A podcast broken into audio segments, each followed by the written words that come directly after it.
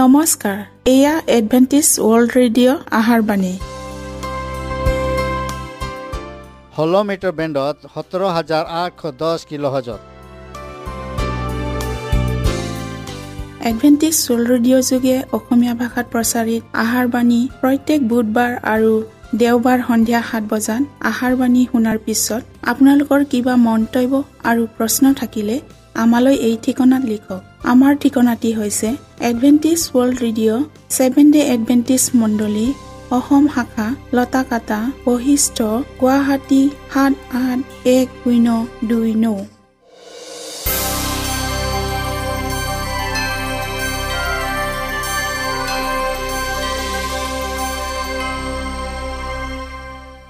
প্ৰিয় শ্ৰোতা বন্ধুসকল এতিয়া শুনো আহক এটি খ্ৰীষ্টীয় ধৰ্মীয় গীত।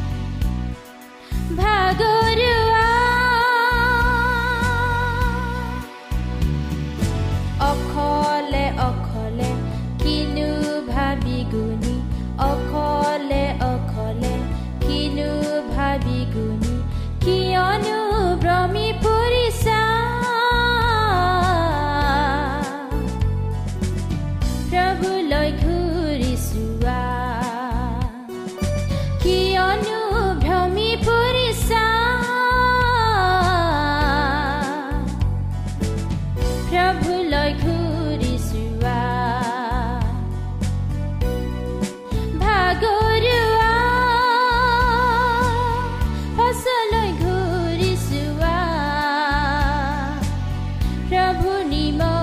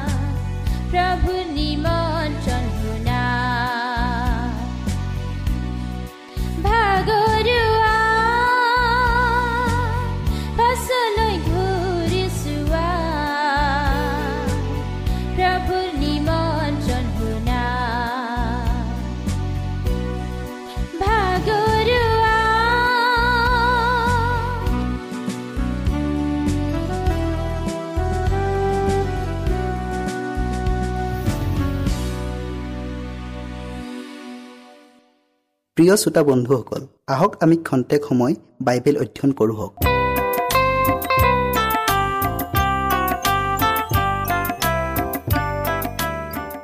প্ৰিয় শ্ৰোতাসকল নমস্কাৰ। আজি আমি হেৰুৱা হৈও পোৱা হ'ল এই দৃষ্টান্তক অধ্যয়ন কৰোঁ হওক। শাস্ত্ৰ পদ হৈছে লোক পোন্ধৰ অধ্যায়ৰ এঘাৰৰ পৰা পঁত্ৰিছ পদলৈকে। আমি প্ৰাৰ্থনা কৰোঁ হওক। স্বৰ্গত থকা প্ৰেমময় ঈশ্বৰ জিহুৱা তোমাক আকৌ ধন্যবাদ দিছোঁ প্ৰভু এই সুন্দৰ সময় দিয়াৰ বাবে। প্ৰভু আমি আজি বিশেষ বিষয় হেৰুৱা হৈও পোৱা হ'ল এই দৃষ্টান্তৰ বিষয়ে অধ্যয়ন কৰিবলৈ আগবঢ়াইছোঁ। প্ৰভু তুমি আমাৰ সংগে সংগে থাকা আৰু পবিত্ৰ আত্মাৰ যোগেদি আমাক বুজিবলৈ জ্ঞান আৰু বুদ্ধি দিয়া যীশুৰ নামত খুজিলোঁ আমেন। হেৰুৱা মেৰ হেৰুৱা আধুলি অপব্যয়ী পুত্ৰৰ দৃষ্টান্তই ঈশ্বৰৰ পথৰ পৰা আঁতৰি যোৱাবিলাকক অতি স্পষ্টৰূপে ৰেখাপাত কৰি তেওঁলোকৰ প্ৰতি তেওঁৰ প্ৰেম আৰু দয়া এতিয়াও প্ৰবাসিত হৈ আছে বুলি দেখুৱায়। যদিও তেওঁলোকে ঈশ্বৰৰ পৰা আঁতৰি গ'ল তথাপিও তেওঁ যন্ত্ৰণাত ভুগি থাকিব নিদিয়ে। যিবিলাক প্ৰতাৰক শত্ৰুৰ প্ৰভাৱাধীন হয় সেইবিলাকৰ প্ৰতি তেওঁৰ প্ৰেম দয়া অসীম। অপব্যয়ী পুত্ৰৰ দৃষ্টান্তত ইয়াকে দেখুৱাইছে। এটা সময়ত যিবিলাকে ঈশ্বৰৰ লগত সম্বন্ধ ৰাখিছিল পিতৃ ঈশ্বৰৰ প্ৰেমৰ উমান পাইছিল। কিন্তু সেইবিলাকে নিজকে ছয়তানৰ বন্দী হ'বলৈ দি তাৰ ইচ্ছামতে চলিলে। কোনো এজন মানুহৰ দুজন পুতেক আছিল। সিহঁতৰ সৰুটোৱে বাপেকক ক'লে বোপাই সম্পত্তিৰ যি ভাগ মুঠ পৰে তাক মোক দিয়ক। তাতে তেওঁ নিজৰ সম্পত্তি সিহঁতক ভগাই দিলে। তাৰ অলপ দিনৰ পাছত সেই সৰু পুতেকে সকলোকে গোটাই দূৰ দেশলৈ যাত্ৰা কৰিলে। সৰু পুতেকজন বাপেকৰ ঘৰৰ শাসন প্ৰণালীত অনিষ্ট হৈছিল। সি ভাবিলে তাৰ স্বাধীনতা সীমাবদ্ধ কৰি ৰখা হৈছে। তাৰ প্ৰতি থকা বাপেকৰ স্নেহ প্ৰতিপালন তাৰ কাৰণে নিৰৰ্থক যেন হ'ল আৰু স্ব ইচ্ছাৰ বিবেকৰে চলিবলৈ দৃঢ় মত পোষণ কৰিলে। সি তাৰ বাপেকৰ প্ৰতি কোনো শ্ৰদ্ধা ভক্তি নেদেখুৱালে আৰু কৃতজ্ঞতাও স্বীকাৰ নকৰিলে। কিন্তু সন্তান হিচাপে বাপেকৰ সম্পত্তিৰ ভাগহে দাবী কৰিলে। তাৰ বাপেকৰ মৃত্যুৰ পাছত তাৰ ভাগৰ পৰা সম্পত্তিখিনিও সি এতিয়াও পোৱাৰ ইচ্ছা প্ৰকাশ কৰিলে। সি ভৱিষ্যতৰ বিষয়ে চিন্তা নকৰি বৰ্তমানৰ সুখ সম্ভোগৰ প্ৰতিহে ঢাল খালে। প্ৰিয় শ্ৰোতাসকল পৈতৃক সম্পত্তি পোৱাৰ পাছত সি তাৰ পিতৃগৃহৰ পৰা দূৰ দেশলৈ প্ৰস্থান কৰিলে। এতিয়া তাৰ লগত যথেষ্ট টকা পইচা থকাত সি তাৰ মিছা আত্মসন্তুষ্টিৰে তাৰ স্বাধীনতা ইচ্ছামতে ব্যৱহাৰ কৰিলে। এইটো কৰিলে তোমাৰ ক্ষতি হ'ব বা এইটো কৰিলে তোমাৰ ভাল হ'ব এনে পৰামৰ্শ দিয়া বা সতৰ্ক কৰা কোনো এজনো নাছিল। সেয়ে দুষ্টৰ সংগৰ পৰি গভীৰ পাপত লিপ্ত হৈ লম্পট আচৰণেৰে তাৰ সম্পত্তি অপব্যয় কৰিলে। এনে মানুহৰ বিষয়ে বাইবেলে কৈছে নিজক জ্ঞানী দেখুৱাই সিহঁত মূৰ্খ হ'ল ৰোমিয়া এক অধ্যায়ৰ বাইছ পথ আৰু দৃষ্টান্তত থকা ডেকা মানুহজনক এইয়াই কাহিনী স্বাৰ্থপৰতাৰে সি তাৰ বাপেকৰ পৰা দাবী কৰি লোৱা সম্পত্তি বেচা তিৰোতাবিলাকৰ সংগত পৰি অপব্যয় কৰি তাৰ যৌৱনকালৰ জ্ঞান যৌৱনকালৰ উজ্জ্বল আশা আত্মিক জাগৰণ এই আটাইবোৰ অসৎ কামনাৰ অগ্নিত জ্বলি পুৰি নাচ হৈ গ'ল। সি থকা দেশখনত এক মহা দুৰ্ভিক্ষই দেখা দিয়াত তাৰ ঘোৰ অভাৱ হ'ল। ভোকৰ তাৰণাত পৰি সেই ঠাইৰ মানুহ এজনৰ ওচৰলৈ সহায় বিচাৰি যোৱাত তাক গাহৰি চৰোৱা কাম দিলে। যিহুদীবিলাকৰ কাৰণে এয়া অতি নিকৃষ্ট আৰু অপমানজনক কাৰ্য আছিল। যি যুৱকজনে এদিন তাৰ স্বাধীনতাৰ নিমিত্তে গৰ্ব কৰিছিল এতিয়া সি নিজেই পৰাধীন হ'ল। সি ভয়ংকৰ বন্ধনত অৰ্থাৎ নিজ পাপ ৰূপ জৰিত বান খালে।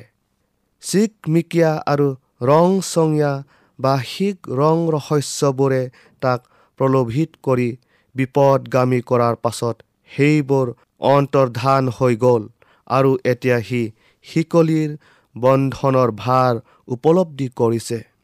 দুৰ্ভিক্ষৰে ভৰা দেশখনৰ নিৰ্জন স্থানত বহি গাহৰিবোৰৰ বাহিৰে সংগীবিহীন হৈ গাহৰিবোৰে খোৱা তুষৰ দানাৰে তাৰ ক্ষুধা নিবাৰণ কৰিবলৈ ইচ্ছা কৰিলে। তাৰ সুখৰ দিনবোৰত তাৰ টকা পইচাৰে যিবোৰ লম্পট বন্ধুৱে লগ হৈ খালে বলে আৰু ফূৰ্তি তামাচা কৰিলে এতিয়া তাৰ বিপদত সময়ত আটাইবিলাকে গা এৰা দিলে। তাৰ এতিয়া সেই উশৃংখল আনন্দবোৰ কি হ'ল? তাৰ নিশ্চয় বিবেক বোধ শক্তিৰ অভাৱৰ কবলত পৰি সি নিজকে সুখী বুলি ভাবিছিল। কিন্তু এতিয়া তাৰ টকা পইচা সকলো শেষ হ'ল। অৱশেষত ভোকত অস্থিৰ হৈ অহংকাৰৰ সলনি নম্ৰ হৈ তাৰ নৈতিক হিতাহিত জ্ঞানৰ ক্ৰম বিকাশত প্ৰতিশোধ হৈ তাৰ আটাইবোৰ দুৰ্বলতা আৰু অবিশ্বাস ভাজন হৈ তাৰ বিশুদ্ধ স্বভাৱ চৰিত্ৰৰ যেন দেখ দেখ মৃত্যু ঘটিল। এতিয়া সিয়েই মহা দুৰ্ভগীয়া ব্যক্তি। প্ৰিয় শ্ৰোতাসকল পাপীৰ কি যে অবৰ্ণনীয় ছবি ইয়াত অংকিত কৰিছে? যদিও ঈশ্বৰৰ প্ৰেমৰ আশীৰ্বাদে আৱৰি আছে। তথাপিও আত্মতৃপ্তি আৰু পাপ পংকিলতাত বুৰ গৈ থাকিবলৈ ভাল পোৱা কাৰণে নিজকে ঈশ্বৰৰ পৰা পৃথক কৰা অনেক আছে। অকৃতজ্ঞ পুতেকজনৰ দৰে তাৰ প্ৰাপ্য বুলি ঈশ্বৰৰ ভালখিনিক পাবলৈ দাবী কৰে।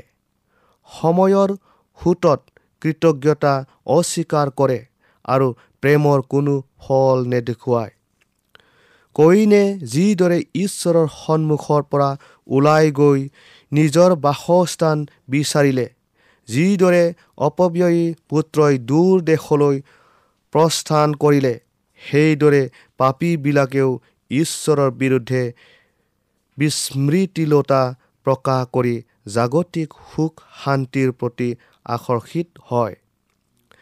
যিকোনো ব্যক্তিয়ে নহওক কিয় প্ৰত্যেক আত্মকেন্দ্ৰীয় জীৱনেই অপব্যয়ী।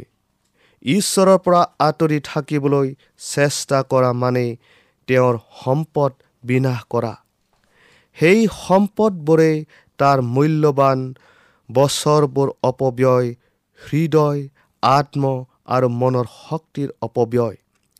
এনে অপব্যয়ী কৰ্মৰ দ্বাৰাই সি নিজকে অনন্তকালৰ নিমিত্তে অক্ষমতা দেখুৱায়। যি মানুহে নিজকে ঈশ্বৰৰ পৰা পৃথক কৰি নিজকে উদ্ধাৰ কৰিব পাৰে বুলি ভাবে সি কুবেৰৰ দাহ বা বন্দী। যি আধ্যাত্মিক মন ঈশ্বৰে দূতবিলাকৰ সহচৰ হ'বলৈ সৃষ্টি কৰিলে তাক পাৰ্থিব আৰু অধম পৰিচৰ্যালৈ নিম্নগামী হ'ল। এই আত্মা পৰিচৰ্যাৰ হাবিয়াহে সৰ্বনাশৰ কাৰণ। আপুনি যদি এনে সস্তীয়া জীৱন উপভোগ কৰিব খুজিছে তেনে জানিব আপোনাৰ ধন সম্পত্তি অনৰ্থক ব্যয় কৰাৰ উপৰিও আপোনাৰ পৰিশ্ৰম ব্যৰ্থ। আৰু এয়ে আপোনাৰ অধপতন উপলব্ধি কৰিবলৈ সময় চমুৱাই আনে। দূৰ দেশৰ নিৰ্জন ঠাইত অকলশৰে আপুনি আপোনাৰ শোচনীয় অৱস্থা জ্ঞাত হৈ হতাশ নিৰাশ বিলাপ কৰি কৈছে হাই হাই মই কেনে দুৰ্ভগীয় মানুহ? এই মৃত্যুৰ দেশৰ পৰা মোক কোনো নিস্তাৰ কৰিব। এয়া এটা সাৰ্বজনীন সত্য উক্তি যিটো ভাৱবাণী ভাষাত অন্তৰ্ভুক্ত হৈ আছে। প্ৰিয় শ্ৰোতাসকল যি হোৱাই এইদৰে কৈছে যি মানুহে মানুহত ভৰসা ৰাখে আৰু মৰ্ত্যক নিজৰ বাহু জ্ঞান কৰে আৰু যাৰ মন যি হোৱাৰ পৰা আঁতৰ হয় তেওঁ সাপগ্ৰস্ত কিয়নো তেওঁ অৰণ্যৰ থকা ঝাও গছৰ নিচিনা হ'ব আৰু মংগল আহিলে তেওঁ গম নাপাব। কিয়নো তেওঁ অৰণ্যৰ খৰাং ঠাইত নিবাসী শূন্য লোনা দেশত থাকিব। ঈশ্বৰে দুষ্ট আৰু সন্ত উভয়ৰ ওপৰত তেওঁৰ সূৰ্য উদয় হ'বলৈ দিয়ে আৰু ধাৰ্মিক অধাৰ্মিক এই উভয়ৰ ওপৰত বৰষুণো বৰষায়। কিন্তু ৰদ আৰু বৰষুণক ৰোধ কৰি সিবিলাকে নিজকে আঁতৰ কৰি ৰাখিবলৈ মানুহৰ ক্ষমতা আছে। সেয়ে যেতিয়াই ধাৰ্মিকতাৰ সূৰ্যই পোহৰ দিয়ে আৰু অনুগ্ৰহৰ বৰষা বিনামূলীয়াকৈ সকলোৰে ওপৰত বৰষে সেই সময়তে আমি নিজকে ঈশ্বৰৰ পৰা পৃথক কৰি তেতিয়াও অৰণ্যৰ খৰাং ঠাইবোৰত বাস কৰোঁ। যিজনে ঈশ্বৰৰ পৰা পৃথক হ'বলৈ ইচ্ছা কৰে সেইজনৰ প্ৰতি তেওঁৰ প্ৰেম কেতিয়াও হ্ৰাস নাপায়। কিন্তু সফল উপায়ৰ প্ৰভাৱেৰে পিতৃৰ গৃহলৈ উভতাই নিবৰ প্ৰয়াস কৰে। অপব্যয়ী পুত্ৰজনে তাৰ দিনহীন অৱস্থাত সি চেতন পালে। যি প্ৰবঞ্চনাৰ ক্ষমতা ছয়তানে তাৰ ওপৰত প্ৰয়োগ কৰিছিল সেয়া এতিয়া সি তাৰ কবলৰ পৰা মুক্ত হ'ল। সি তাৰ মূৰ্খামীৰ কাৰণে যে এনে যন্ত্ৰণা ভোগৰ পৰিণাম তাক জানি সি অনুতাপেৰে ক'লে মোৰ পিতৃৰ ক'ত চাকৰে? জোৰাকৈ আৰু তাতোতকৈও অধিক খোৱা বস্তু পাইছে। কিন্তু ইয়াত ভোকতে মৰিছোঁ। মই উঠি বোপায়ৰ তালৈ যাম। দুৰ্ভগীয়া অপব্যয়ীজনে তাৰ পিতৃৰ প্ৰেমৰ দৃঢ় বিশ্বাসৰ প্ৰতি আশাৰ ৰেঙনি দেখিব পালে আৰু সেই প্ৰেমেই তাক ঘৰলৈ উভতাই আনিলে। সেইদৰে ঈশ্বৰৰ প্ৰেমৰ আশ্বাসেও পাপীজনক ঈশ্বৰলৈ ঘূৰিবলৈ বাধ্য কৰে। জানিব ঈশ্বৰৰ অনুগ্ৰহে মন পালতাবলৈ তোমাক যে উদুগাইছে। সংকটত পৰা প্ৰত্যেকজন ব্যক্তিক দয়া আৰু মহানুভূতিৰ সোণালী জৰিৰে আৱৰি ৰাখিছে। ঈশ্বৰে কৈছে সঁচাকৈ মই চিৰস্থায়ী প্ৰেমেৰে তোমাক প্ৰেম কৰোঁ। সেয়ে প্ৰেম আৰু দয়াৰে মই তোমাক মোৰ কাষ চপাই ললোঁ। জিৰিমিয়া একত্ৰিছ অধ্যায়ৰ তিনি পদত। পুতেকজনে তাৰ নিজৰ অপৰাধ স্বীকাৰ কৰিবলৈ দৃঢ় প্ৰতিজ্ঞ হ'ল। সি বাপেকৰ ওচৰলৈ গৈ ক'লে স্বৰ্গৰ অহিতে আৰু আপোনাৰ দেখাত মই পাপ কৰিলোঁ। আপোনাৰ পুত্ৰ বুলি মতাৰ আৰু যোগ্য নহওঁ। সি তাৰ পিতৃৰ প্ৰেমৰ মূল বুজি সীমাবদ্ধতাৰ ধাৰণাৰে এটা কথা সংযোগ কৰি ক'লে মোক আপোনাৰ এটা চাকৰৰ নিচিনা কৰক। প্ৰিয় শ্ৰোতাসকল এতিয়া সেই অনুতাপিত ডেকা মানুহজন গাহৰি জাকৰ পৰা আৰু সেইবোৰৰ খোৱা চেৰে পেটৰ ক্ষুধা নিবাৰণ কৰিবলৈ চেষ্টা কৰাৰ পৰা আঁতৰি ঘৰমুৱা হ'ল। ভোকে পিয়াহে জ্বৰ জৰিত আৰু শৰীৰৰ দুৰ্বলতাৰ কাৰণে লৰ চৰ কৰিব নোৱাৰা স্বত্তেও বেগেৰে ঘৰলৈ আগুৱাই যোৱাৰ চেষ্টা কৰিলে। শতাকানিৰ বস্ত্ৰ পিন্ধি ঘৰলৈ উভতি যাওঁতে সেইবোৰ ঢাকিবলৈ তাৰ একোৱে নাছিল। কিন্তু তাৰ শোচনীয় অৱস্থাৰ অহংকাৰ পৰাজিত কৰিলে আৰু এতিয়া সি অতি নতশিৰে ঘৰলৈ গৈ য'ত তাৰ শৈশৱকাল অতিবাহিত কৰিছিল সেইখন ঘৰতেই এতিয়া এটা চাকৰৰ দৰে থাকিবলৈ বিনয় কৰিলে। প্ৰিয় শ্ৰোতাসকল আজি আমি ইমানতে সামৰিলোঁ। ইয়াৰ বাকী অংশ পৰৱৰ্তী অনুষ্ঠানত আপোনালোকে শুনিবলৈ পাব। আশা কৰোঁ আপোনালোকে শুনিবলৈ নেপাহৰিব। ঈশ্বৰে আপোনালোকক আশীৰ্বাদ কৰক।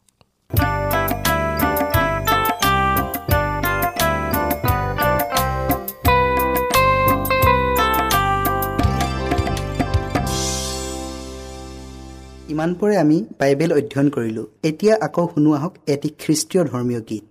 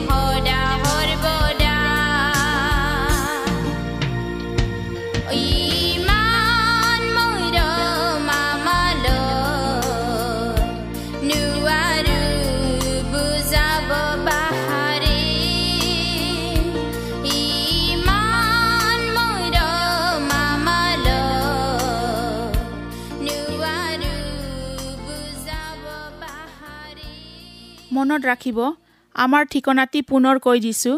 Adventist World Radio' Assam region of seven day Adventist voice of hope Latakata Basistha Guwahati seven eight one zero' two nine প্ৰিয় শ্ৰোতা বন্ধুসকল এডভেণ্টিজ ৱৰ্ল্ড ৰেডিঅ' যোগে আহাৰবাণী প্ৰচাৰত আপোনালোকক পুনৰ লগ পোৱাৰ আহাৰে আজিলৈ সামৰিলোঁ।